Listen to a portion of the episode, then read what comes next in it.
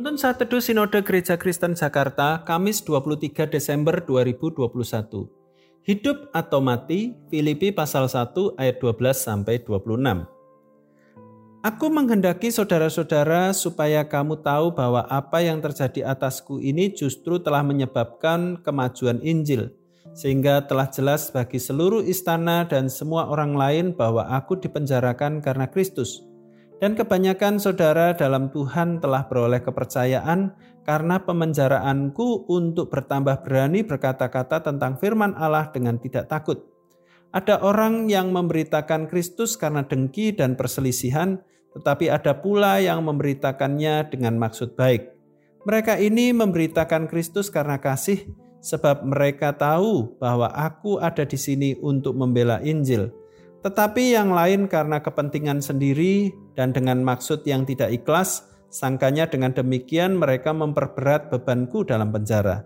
Tetapi tidak mengapa, sebab bagaimanapun juga Kristus diberitakan, baik dengan maksud palsu maupun dengan jujur. Tentang hal itu aku bersuka cita. Dan aku akan tetap bersuka cita, karena aku tahu bahwa kesudahan semuanya ini ialah keselamatanku oleh doamu dan pertolongan roh Yesus Kristus. Sebab yang sangat kurindukan dan kuharapkan ialah bahwa aku dalam segala hal tidak akan beroleh malu, melainkan seperti sedia kala, demikian pun sekarang, Kristus dengan nyata dimuliakan di dalam tubuhku, baik oleh hidupku maupun oleh matiku. Karena bagiku hidup adalah Kristus dan mati adalah keuntungan. Tetapi jika aku harus hidup di dunia ini, itu berarti bagiku bekerja memberi buah. Jadi mana yang harus kupilih aku tidak tahu. Aku didesak dari dua pihak, aku ingin pergi dan diam bersama-sama dengan Kristus, itu memang jauh lebih baik. Tetapi lebih perlu untuk tinggal di dunia ini karena kamu, dan dalam keyakinan ini, taulah aku, aku akan tinggal dan akan bersama-sama lagi dengan kamu sekalian, supaya kamu makin maju dan bersuka cita dalam iman, sehingga kemegahanmu dalam Kristus Yesus makin bertambah karena aku, apabila aku kembali kepada kamu. Rasul Paulus mengatakan bahwa karena bagiku hidup adalah Kristus dan mati adalah keuntungan, pernyataan Paulus ini dapat membuat kita menggelengkan kepala kita bisa merasa takjub atau menganggapnya tidak waras. Tidak banyak manusia di dunia ini yang mengharapkan kematian dirinya sendiri. Pada umumnya, orang sangat menghindari kematian. Berapapun dana yang harus disiapkan untuk mempertahankan nyawa seseorang, niscaya akan diupayakan. Secara manusiawi, jika boleh memilih, maka Paulus lebih senang untuk mati dan diam bersama dengan Kristus.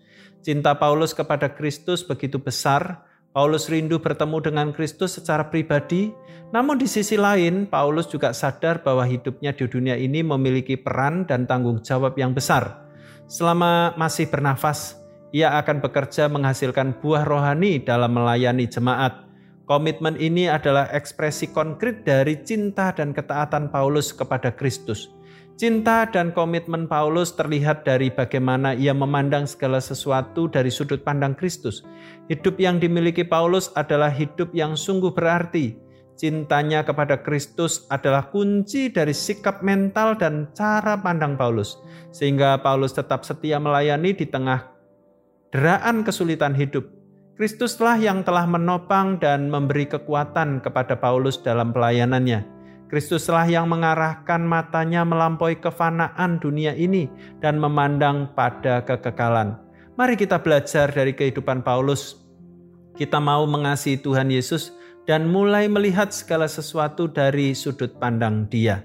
Jika kita hidup untuk Kristus, maka mati adalah keuntungan. Tuhan Yesus memberkati.